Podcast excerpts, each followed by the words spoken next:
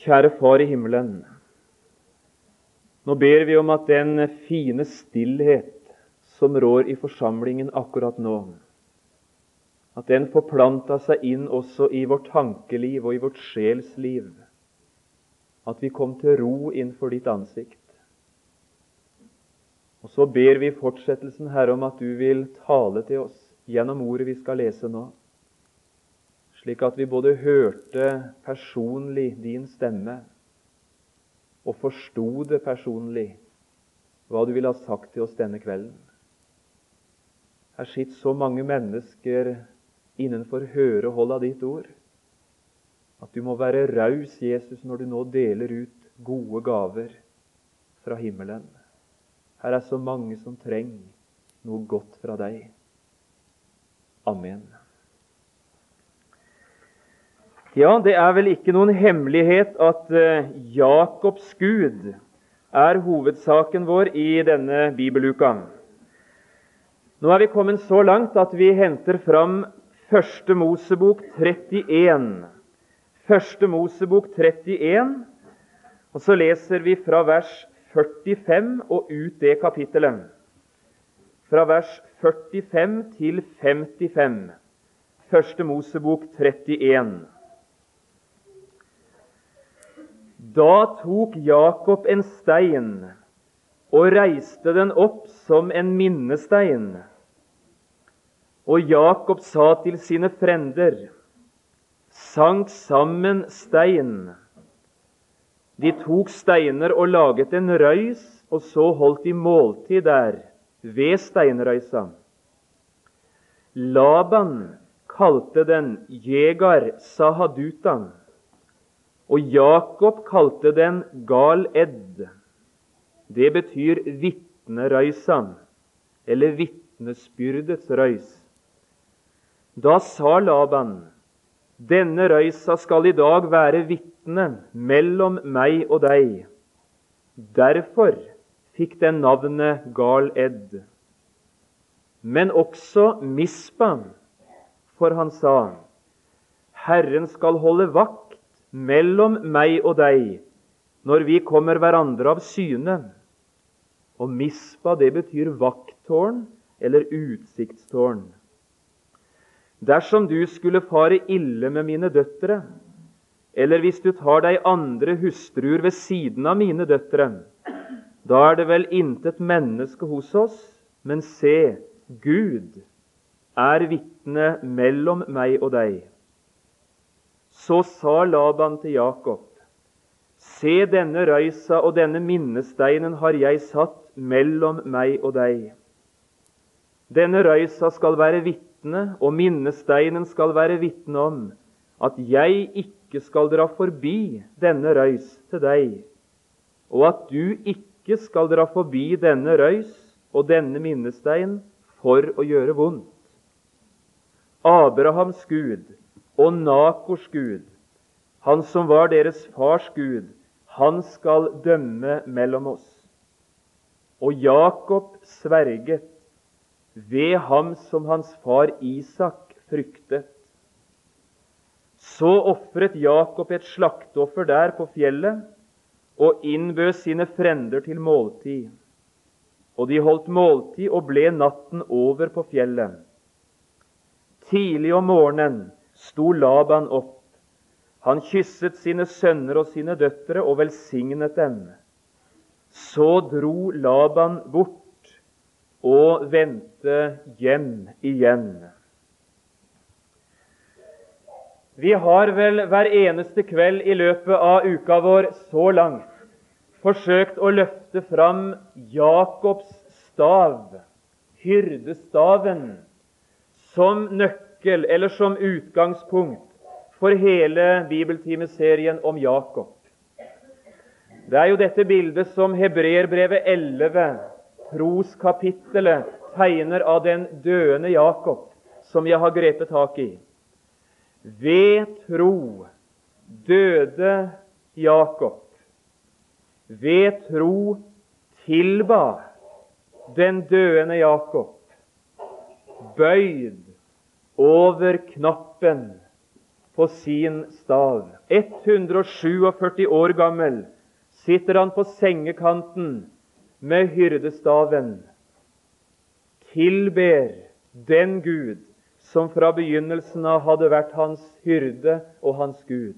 Og så har jeg forsøkt å si etter vanlig skikk så var en hyrdestav sprengfull av merker. Og merkene på en hyrdestav hadde hyrden selv rissa inn til minne om merkedager, viktige begivenheter i livet hans som hyrde. Det vi har gjort til nå, det er å følge Jakobs hyrdestav i blikket, helt fra fotenden og så oppover et stykke. Vi talte en del sammen om disse ti merkene der nede, som til sammen er en beskrivelse av den natur som Jakob bar. Her lærte vi noe om hva et menneske er ifølge sin naturlige tilstand, og det var ikke mye lystelig. Så talte vi i går om dette særmerket midt i havet av vonde spor etter et hardt liv. Merket etter Betel, der Jakob fikk se den åpne himmel og forbindelseslinja. Korsets herlige evangelium.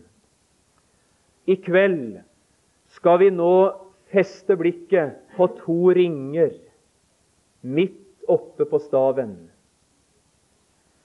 Disse to ringene det er to merker etter det vi har lest i Første Mosebok 31. Og imellom disse to ringene på Jakobstaven står navnene, ett navn for hver ring. Gal-Ed, Mispa. Gal-Ed, Mispa for det mennesket som har møtt Jesus, for det mennesket som har fått se Jesu kors og fått tro syndenes forlatelse ved et blikk på det korset. For et sånt menneske blir en av de første viktige opplevelser som nyfrelst å komme til Gal-Ed og til Mishpa. Ja, sier du, dette var vanskelig. Ærlig talt så er jeg ikke så fortrolig med Jakobs historien at jeg husker hva som skjedde i forkant av det du leste. Nei, Da var det fint du kom på bibeltime i kveld, for nå skal du få høre det. Og Jeg har lyst til å si til dere i ungdomsmusikken nå, som kanskje er ganske nye møtegjenger, og som sang altså så fint for oss Det er flott dere synger om Jesus. Hvis dere nå sitter og hører på han halvveis gråhåra karen som står her og sier 'Jeg skjønner nesten ikke et bær av det han sier', så har jeg lyst til å si følg godt med, og så forstår du litt. Og når du blir så gammel som meg og har fått lov å lese Bibelen så mange år som jeg har, så kan du holde altså bibeltime for meg om, om Jakob eller om en annen. Det kan, ikke, det kan ikke være på annen måte enn at når vi har liten erfaring med Bibelen, så er det mange ting i Bibelens verden vi ikke forstår. Det er ikke, det er ikke et bevis på at du er dum, det. Det er bare et bevis på at du er ny i verden.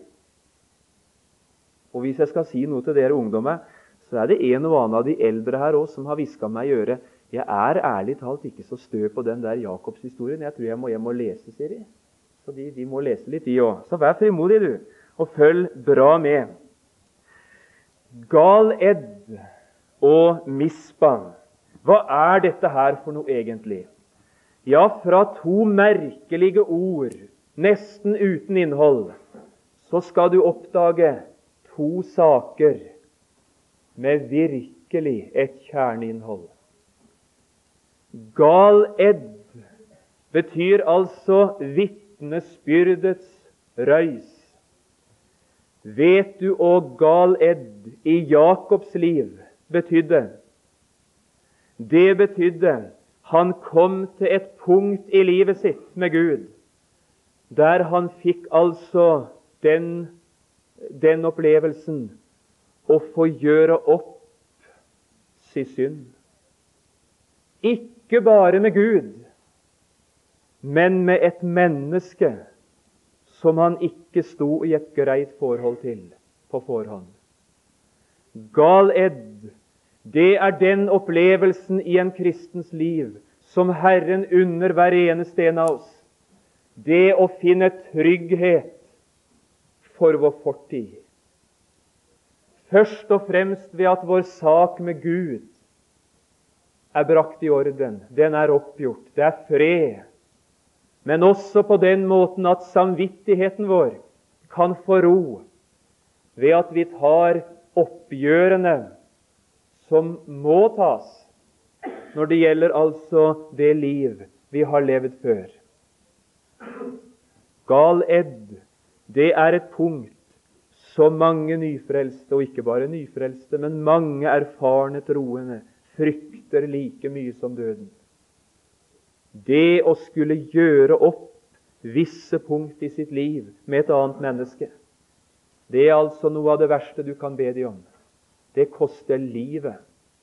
Jeg har lyst til å si det venter en velsignelse i gal edd. Mispa, vet du hva det er? Det er det utsiktspunkt som Herren vil ta oss med opp på og si det går en vei videre etter denne dagen. Du skal leve et liv fra nå av, et nytt liv. Og nå har jeg lyst, sier Herren, å gi deg et oversiktsbilde av disse livsområdene som er ditt liv. Jeg har lyst til å lære deg forskjell på rett og galt. Jeg har lyst til å si respekter grensene og vandre på denne vei og du skal oppleve min velsignelse på en måte du ikke kan drømme om. Det er altså en Gud som har omsorg for å veilede oss, føre oss skrittene inn i det nye livet, inn på den nye veien. Gal edd, det er trygghet på fortida. Mishpa, det er trygghet for framtida. Og nå har jeg lyst til å spørre trenger du det? Er du et menneske som trenger trygghet for fortida di? Er du et menneske som har bruk for trygghet for framtida? Ja, så er du kommet helt riktig når du nå sitter og lytter til Jakobs Gud og akkurat dette punkt i Jakobs liv. La oss gjøre noen ord først omkring fortida, gal edd. Hvis du ser altså i Første Mosebok 31, det er mange som har Bibelen foran seg, ser jeg, så skal du se på vers 3. Det er sånn det begynner. Og Herren sa til Jakob, vend tilbake til ditt fedreland og til din slekt, og jeg vil være med deg. Da har jeg lyst til å si noe? Det er en velsigna sak når et menneske begynner å bli så stor at han kan gå tilbake på noe han har sagt, og sier 'jeg har tatt feil'. Jeg var stiv, og jeg var stolt, og jeg var påståelig, og jeg trodde at jeg hadde 100% rett. Det er velsigna når et menneske blir bøyd, så han kan gå tilbake på ting så han ikke skulle ha sagt, men som han sa. Eller kan gå tilbake på ting han har gjort, og si jeg, jeg, jeg, jeg respekterer altså, og jeg bekjenner det var, det var ikke rett, det jeg sa. Det var ikke rett, det jeg gjorde. Jeg har lyst til å gjøre opp for meg. Vend tilbake. Her er vi i området av et av Bibelens aller, aller viktigste ord. Ordet omvendelse. Hva er omvendelse, slik Bibelen taler om det? Ja, Når Bibelen taler om omvendelse, så taler den i to hovedord. Altså Det brukes to ord i særlig det nytestamentlige grunnspråket for omvendelse. Det ene betyr sinnsforandring. Dette å få et nytt sinn, et nytt hjerte, en ny innstilling. Dette at Gud gir meg noe nytt innenfra. Og fordi jeg er omvendt av Gud, så har jeg fått et nytt sinn. Det andre ordet, det betyr retningsforandring. Se på meg nå. Hvis jeg altså spaserer en par skritt, som jeg gjør nå, og så omvender jeg meg, da gir jeg altså skrittene mine en ny retning. Det er yttersida. Det er noen som er så forferdelig opptatt med innersida i omvendelsen. De sier 'Gud ser på hjertet', sier de, så, og så lever de akkurat som de sjøl vil. De gjemmer seg når det gjelder altså sitt praktiske liv, i dette at ja, Gud ser til hjertet, så det er jo ikke så farlig med, med, det og det og det, sier de. Andre de er så forferdelig opptatt med de ytre tinga at hvis du bare er sånn og ikke gjør det slik og er sånn og mener det, ja, så er det bra. Og så blir det yttersky alt sammen. Vend om, sier Bibelen. Vi skal balansere hva Bibelen sier. Visst er det noe som taler om en ny livsretning. Jeg lever ikke lenger som jeg gjorde før. Men når det er en ny livsretning, så er det fordi det er blitt et nytt sinn, et nytt hjerte. Jakobs Gud er suveren når det gjelder å gi mennesker et nytt sinn og en ny livsretning. Vend om, og jeg vil være med deg. Er det én vei Gud går med oss på, så er det den nye veien. Veien tilbake. Og så kunne vi spørre, for å være i vår situasjon, hvor skal jeg begynne hen, da? Hvis jeg skal finne altså den nye livsretningen, hvor skal jeg begynne hen? Ja, du skal begynne der hvor Jakob begynte. Med det så står det aller nærmest. Du skal begynne akkurat der du står. Vet du hva Jakob sto i? Han sto i konflikt med svigerfaren sin, som het Laban. Jeg vet ikke om du husker forholdet mellom Jakob og Laban eh, godt. Så skal jeg altså bare si åssen det forholdet var, i noen få setninger. På den ene sida så hadde Laban lurt Jakob så det suste. Først så hadde han lurt Jakob når det gjaldt ektefelle. Han trodde det var Rakel, og så oppdaga han morgenen etter bryllupsnatta at det var Lea. Og Så måtte han gå en ekstrarunde, og så fikk han både Rakel og Lea. 'Du har bedratt meg', sier han til svigerfaren sin. Og Seinere vitner han, det er i dette kapittelet her 'Du har forandret min lønn', sier han, ti ganger. 'I 20 år har jeg tjent deg som hyrde.' 'Og du har forandra lønnsavtale ti ganger.' 'Du har vært upålitelig. Du har bedratt meg, svigerfar.' Og som om ikke det var nok, så sier han om ikke Herren hadde grepet inn mellom oss to, så hadde du sendt meg tomhendt herfra. Så Jakob var bedratt av Laban. Det var ugreit fra den sida. Men i Jakob hadde Laban møtt sin overmann når det gjaldt bedrageri. Og Når du kommer for deg sjøl, skal du lese altså hvordan Jakob trikser til og lurer til seg omtrent alt av budskapen. De blir enige, disse to, når de skal liksom skifte mellom seg, for de ble søkkrike. Vi gjør det sånn, viser Jakob, at jeg får det spraglete og det stripete og det sorte av, av, av småfe her, av sauer og geiter, og så tar du det andre. Og Det var svigerfaren helt med på. han. Det var bare det at når det gjaldt altså feavl, det har ikke jeg noe peiling på, så trikser han til, slik at det blir bare stripet og spraglet avkom fra de har avtalt. Så, så, så drar han til seg hele greia etterpå. Så han som ble bedratt, han bedro så står det i begynnelsen av dette kapitlet, og det er veldig typisk. Se her i 1. Mosebok 31. Så fikk Jakob høre at Labans sønner hadde sagt Jakob har tilvendt seg alt det vår far eide. Det er av vår fars eiendom han har lagt til seg all denne rikdom. Og Så står det Jakob la merke til at Labans ansikt Se, han var ikke den samme mot ham som før. Og så kommer han på tankene nå må jeg bort.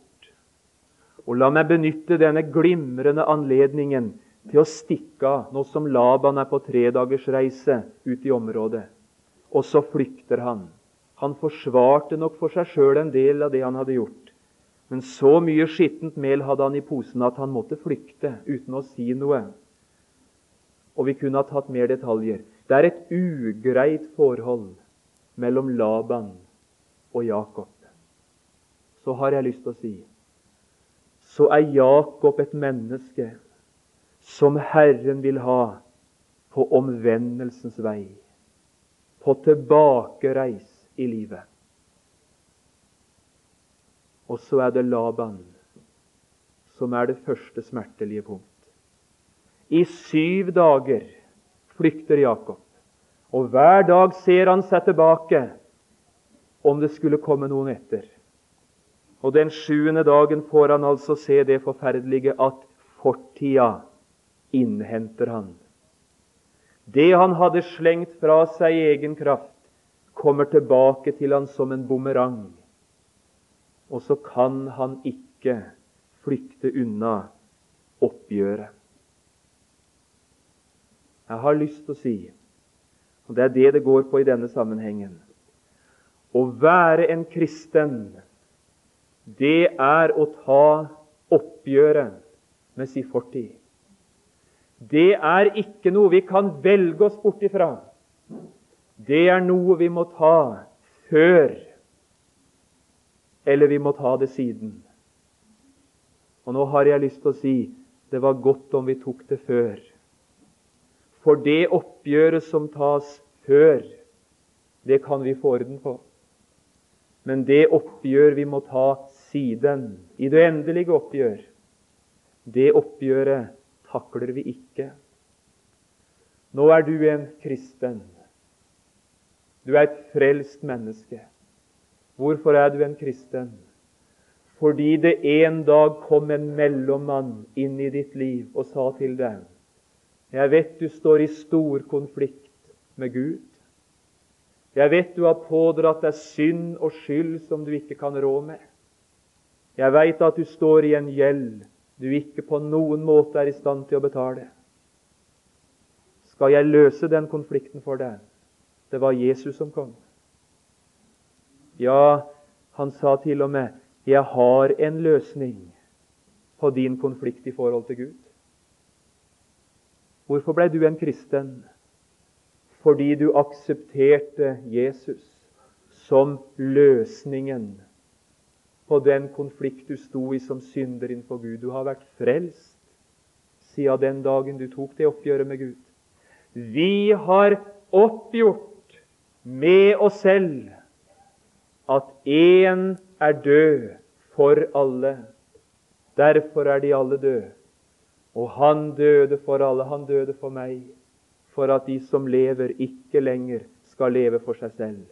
Og la meg nå si det mennesket som har gjort sin sak opp med Gud, er et frelst menneske. Syndenes forlatelse på grunnlag av det Jesus har gjort, det rekkes oss helt ubetinga i Bibelen. Det mennesket som påkaller Jesu navn, han er frelst. Oppgjør, bekjennelse, skvære opp med andre mennesker er aldri en betingelse for å bli frelst. Men det er en naturlig følge av at de er frelst. Det er ikke frelses grunn, men det er frelses frukt. Og med frukten kan det være litt ymse i de forskjellige menneskers liv. Ordet 'bekjenne' er jo i sentrum av det vi taler om nå. Det er et herlig ord homologeo, står i grunnteksta. Homo det betyr altså en slik, det samme som. Logeo, eller logein, et ord, snakke, si. Å si det samme som, det er å bekjenne. Å bekjenne Jesu navn er å si det samme om Jesus personlig som Gud har sagt om Jesus. Å bekjenne Jesu navn og si, det er å si det Gud har vitnet om sin sønn, at han er synderes frelser og venn. Det har jeg opplevd. Han er min venn. Han er min frelser. Og bekjenner du Jesu navn. Å bekjenne sine synder, det er å si det samme om gjerningene, om tankene, om orda, om holdningene, om handlingene, som Gud sier om dem. Det er å bli enig med Gud i bedømmelsen av mitt liv, slik det totalt sett er, å bekjenne sine synder, det er å akseptere Guds dom, Guds vurdering av mitt liv. Det var det du gjorde da du ble frelst. Du aksepterte det Gud sa om dine synder, og du aksepterte det han sa om Jesus. Du ble enig med Gud og fant fred med Gud i en god samvittighet. Og så var det ett og annet. I noens liv mange ting, i andres liv enkelte ting, som umiddelbart dukka opp. En av de fineste fruktene i et menneske som har møtt Jesus, vet du hva det er? Det er den trangen etter å fortelle det til andre, det jeg har opplevd. Det var en mann som gikk hjem ifra møtet. Han måtte fortelle til kona nå er jeg blitt frelst. Det var en ungdom som dro av gårde for å studere, kom i kontakt med kristen forkynnelse, ble frelst, og så måtte han ringe hjem til sine troende foreldre og si på fredagen ble jeg en kristen. Det er herlig når slik bekjennelsesfrukt vokser fram ifra det nye liv. Det er gal edd. Å, men det er sterke vitnesbyrd om at det er skjedd noe. Forandring, omvendelse, nytt liv. Og så er det noen ting som vi får en følelse av. Jeg må gjøre opp for meg. Ikke for å bli frelst, men fordi jeg er frelst. Jeg har et forhold til naboen min som er under enhver kritikk. Nå er jeg blitt en kristen. Og Selv om jeg fremdeles kanskje mener at det er naboen som har feil, så må jeg iallfall gå og snakke med han, for jeg kan ikke leve i konflikt med naboen min. Jeg er jo blitt en kristen. Ikke for å bli frelst, men fordi jeg er frelst. Jeg ser sjølmeldinga mi i et nytt lys. Oppdager at på ære og samvittighet ikke akkurat er så ærefullt og samvittighetsfullt. Det er æreløst. Å, men det er herlig når noen reiser gal edd på et ligningskontor. Det er herlig når en ektemann kommer til kona si og sier, 'Kan du tilgi meg at jeg har drukket opp og ødsla vekk det vi skulle ha delt sammen som ektefolk og i familien? Kan du prøve å tilgi meg at jeg har drukket opp det barna skulle hatt? Kan du tilgi meg at det du sjøl skulle hatt til klær og mat og, og husleie, at det gikk i flaska og i grøfta alt? Kan du tilgi meg? Kan du gi meg en ny sjanse? Herlig når gal edd kommer. Noen oppgjør, det er herlige oppgjør å ta. Andre oppgjør kan koste livet. Og har jeg lyst til å si våg å bekjenne. Gud evner å gjøre en Jakob stolt og stiv til en Israel. Og et av de første skritt, det er å la maska falle. Det er å ta oppgjøret. Det er å være ærlig og si 'Dette er meg', og nå får det bære eller briste, men dette er sannheten, og jeg kan ikke leve med dette her lenger. Jeg veit at mange av dere som er nye på trosveien, har en del vanskeligheter i dette området. Du har et hav av merker fra et liv utenom Jesus og du tenker skal jeg virkelig gå så mange ekstrarunder etter jeg ble frelst, for å reparere alt dette her? Hva skal jeg bekjenne, og hva skal jeg ikke bekjenne? Hva skal jeg gjøre opp, og hva skal jeg ikke gjøre opp? Ja, det er ikke så godt å si helt i detalj ifra en talestol. Men kanskje vi kunne forme en par-tre enkle setninger. Og så er dette ting vi kan tale om utenom akkurat en prekensituasjon. I forholdet ditt til Jesus skal du tale om alle ting. Her er intet unntak. La i alle ting deres begjæringer komme fram for Gud. Snakk med Han. Nevn det for Han. Brett det ut. De enfoldige er knytta herlige løfter til i Bibelen. Hvis eh, vi hjemme på Notodden snakker og sier at han er litt enfoldig, da eh, har han ikke helt 100 altså i huet. Hvis han er litt enfoldig da, da er han bare noen og 30, liksom. Da er den ikke helt bra. Bibelens ord, enfoldig, det er ikke et sånt ord om noen som er så dumme at de tror alt, eller som Enfoldig er et herlig ord. Nå har jeg tatt med meg et rent lommetørkle på prekestolen akkurat for denne anledningen. Hvis du ikke veit hva mangfoldig er, så kan du se her. Dette er mangfoldig. Å, men det er mangfoldig. Lag på lag. Hvis du veit hva enfoldig er, og ikke, hvis du ikke veit det, så skal du altså se på dette her. Dette er enfoldig. Det er at hele feltet ligger i lyset alt. Å være et enfoldig menneske, det er å brette sitt liv ut for Herren og si 'Jeg kan ikke sette ord på alt engang, men dette er meg'. Reint og skittent, godt og gærent, om hverandre. Det er meg.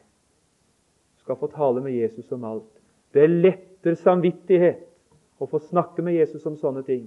Du blir ikke mer frelst av det, men du får frihet i samvittigheten. Tal med Jesus om alt.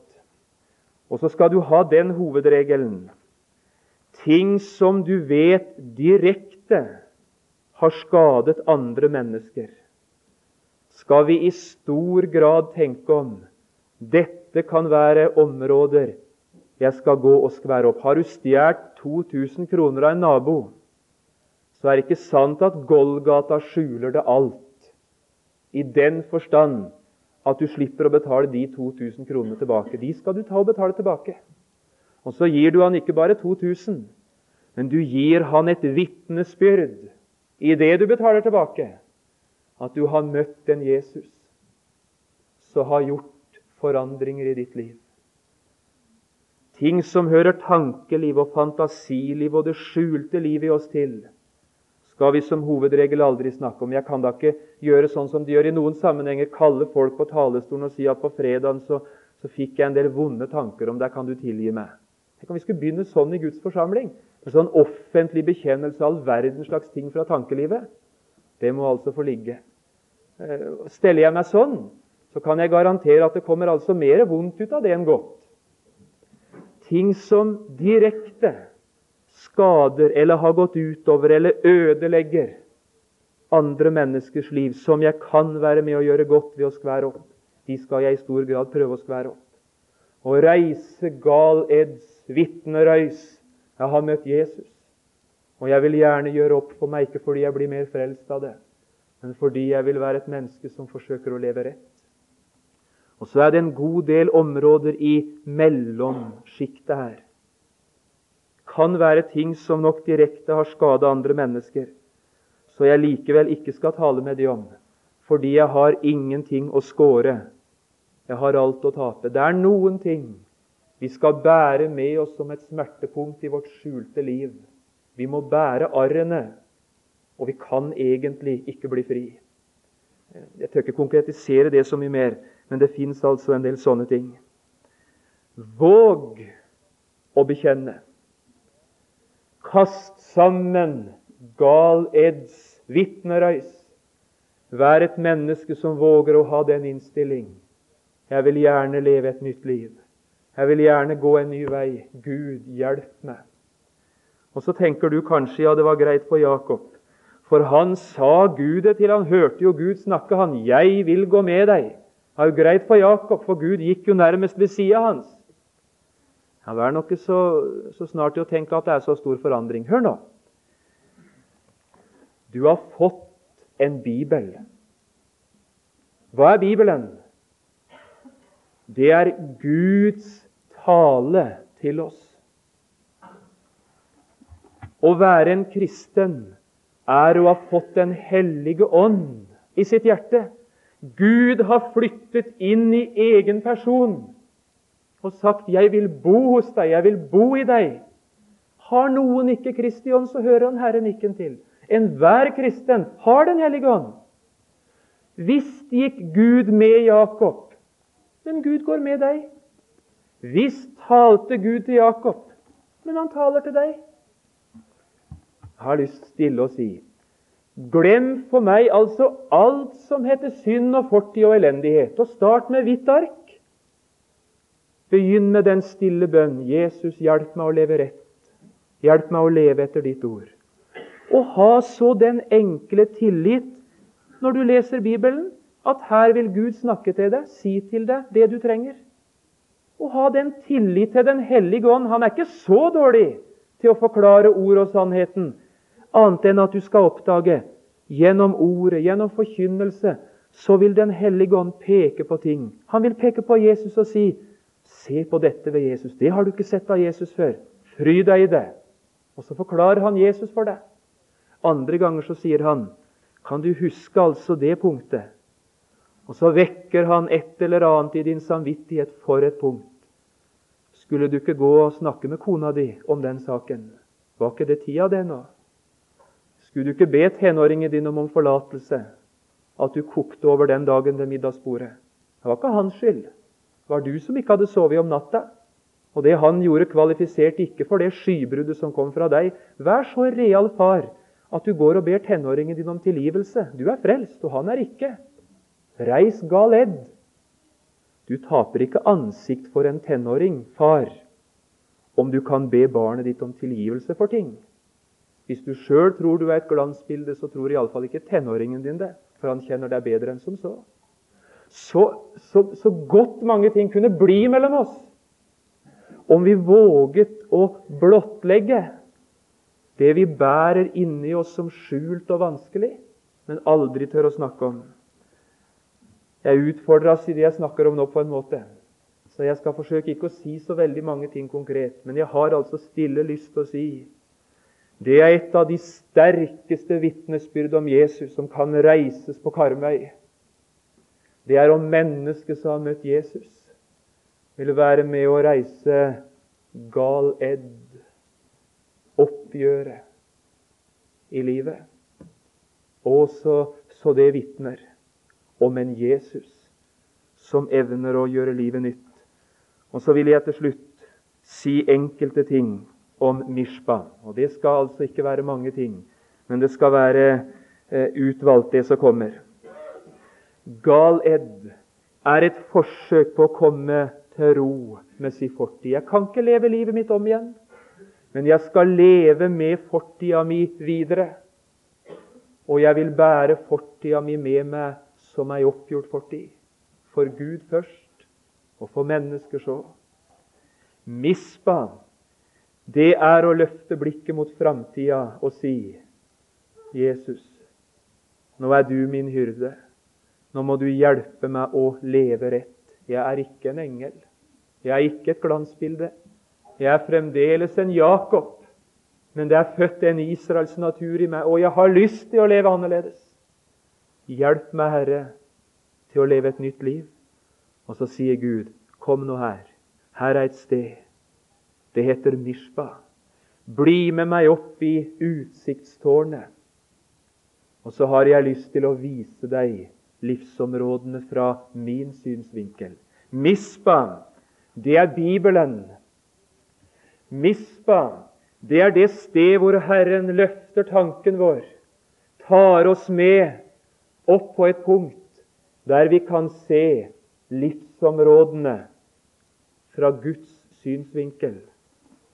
Og så peker han dette området det har med økonomi å gjøre. Dette området det har med familien din å gjøre. Dette området det er arbeidssituasjonen din og arbeidsplassen. Dette er fritida. Dette er ditt liv. Respekter nå de grensene jeg tegner for din livsutfoldelse. Grenser, gjerder, det betraktes av veldig mange som fiendtlig. No, no, noen er helst ikke vi borti. Grenser og gjerder og normer og forbud og påbud det er for mange mennesker det som berøver friheten. De vil gjøre som de sjøl vil. De vil leve grenseløst. Og grenseløst, det er for mange mennesker ensbetydende med frihet. Tenk om vi levde grenseløst her i landet vårt. Det kom et menneske vandrende inn i stua di og så på, på seksjonen din og tok med seg en, en fin sølvvase. For det var jo ikke grenser, så, så den hadde han lyst på. Og si at det kom altså en med ei hagle ut i, i, i, gata, og så smelte han til på bikkja di, for han ville se om hagla fungerte. Altså, tenk om vi skulle leve sånn. Det er å leve grenseløst. Grenser, folk, det er ikke frihetsberøvelse. Grenser er trygghet. Bare prøv å oppdra ungene dine uten grenser, så skal du se hvor trygge de blir. Bare prøv å oppføre deg grenseløst og se åssen livet fungerer. Hva var Mispa? Det var den grense som sa Jakob, du skal ikke overtå denne grense for å gjøre vondt. Og jeg skal gi deg løftet, Jakob, at jeg skal ikke overtrå denne grensa for å gjøre deg vondt. Vet du hva en overtredelse er? Det er å trå over de gudgitte grensene. Jeg har altså lyst til å si her er ei grense for livet. Vår generasjon har flytta den grensa. Og det ufødte liv har havna utenfor grensa. Den generasjon som fratok det ufødte livet grensevernet, kan bli den generasjon som i sin alderdom selv er utenfor grensa, fordi vi er gamle, og vi er uproduktive, og vi er belastning for samfunnet. Kommet langt lengre i land i Europa på det området når det gjelder å beskytte de eldre, enn vi vet om her i Norge. Respekter grensene mellom liv og ikke liv. Respekter forskjell på ditt og mitt. Respekter forskjell mellom de kone og mi kone. Respekter de gudgitte, gode grensene i livet. Det er trygghet å finne innenfor rammene av det Bibelen taler om. Det er ikke frihetsberøvelse å innrette livet sitt etter Bibelen. Det er frihetsutfoldelse. Og jeg kan ikke dy meg. Av og til så hører jeg enkelte i den eldre generasjonen omtale ekteskapet på følgende måte. De har noen litt provoserende tenåringer som sier det er ikke like bra med samboerforhold som ekteskap. Og De sier ofte for å teste oss litt, og vi, og vi svarer. Hvis de er tro mot hverandre, og hvis de vil være livet ut i lag med hverandre, betyr det så mye med kjerka og papirer og det greiene der. Det er jo bare seremoni og fest. Det er ikke like realt det andre. Og så svarer enkelte av oss, og vi skulle skamme oss. Vet du hva vi sier? Jeg holder nå på ekteskapet, jeg sier, for jeg er nå så gammeldags. Har hørt sånt vas? Holder vi på ekteskapet fordi vi er gammeldags, så kan vi heve hele skapet ut. Da trenger vi det ikke. Skal vi møblere Guds hus med et skap fordi det er gammeldags og derfor skal det være der? Vi holder på ekteskap fordi Gud sier det. Fordi Bibelen taler om det. Ja, sier du, men det er ikke så lett å se i Bibelen at ekteskap er riktig og ikke det andre. Ja, så får vi hjelpe hverandre inn i hva Bibelen sier om det. Det er iallfall ingen hjelp i å oppheve gudgitte grenser trygghet i møte med framtida er å ha med en Gud å gjøre som sier John. Jeg vil lære deg og vise deg den vei du skal vandre. Tenk å ha en sånn Jesus. Tenk å ha en sånn hyrde i livet som sier 'Jeg vet om veien din, om dagene dine, om framtida di. Den skal få være i min hånd.' Og du skal ikke møte noen ting i ditt liv som ikke jeg har møtt før deg. Skal jeg få være med deg på livsveien? Mispa, det er utsiktspunktet der Herren taler om sin vei og sin vilje. Å ha bibeluke er å forsøke å bestige Mispa og hjelpe hverandre til det å leve riktig. Og så slutter jeg sånn. Kom dette i hu, Jakob. Det er noe som skal påminnes når vi nå altså lar bibelordet avsluttes. Kom dette i hu, Jakob. Du har sett tilbake på de fortid og fram på de framtid. Glem nå ikke dette. Kom dette i hu, Jakob. Jesaja 44, 23. Unnskyld, 22. Jeg utsletter dine overtredelser som en tåke, og dine synder som en sky. Vi levde ikke rett før vi møtte Jesus. Og vi har ikke levd fri for overtredelser etter vi møtte ham. Kom så dette i hu, Jakob. Jeg er den som utsletter dine overtredelser for min skyld. Og dine synder kommer jeg ikke i hu. Kanskje det var en på møtet i kveld som trengte å møte den Gud som utsletter og renser fra all synd. Jesus, takk at du bøyde deg ned så dypt som ingen vet, og lot deg mishandle og plage for våre synder. Takk at du bar straffen for all vår misgjerning og alle våre overtredelser. Takk at du i kveld bøyer deg ned for oss og vil vaske ureine føtter. Ureinhet som i vandringen har kleba seg til våre føtter. Vil du rense oss, Herre, rens vår samvittighet, og gi oss det sinn som ønska å leve rett, både i møte med vår fortid og i møte med vår framtid. Hjelp oss, Jesus. Amen.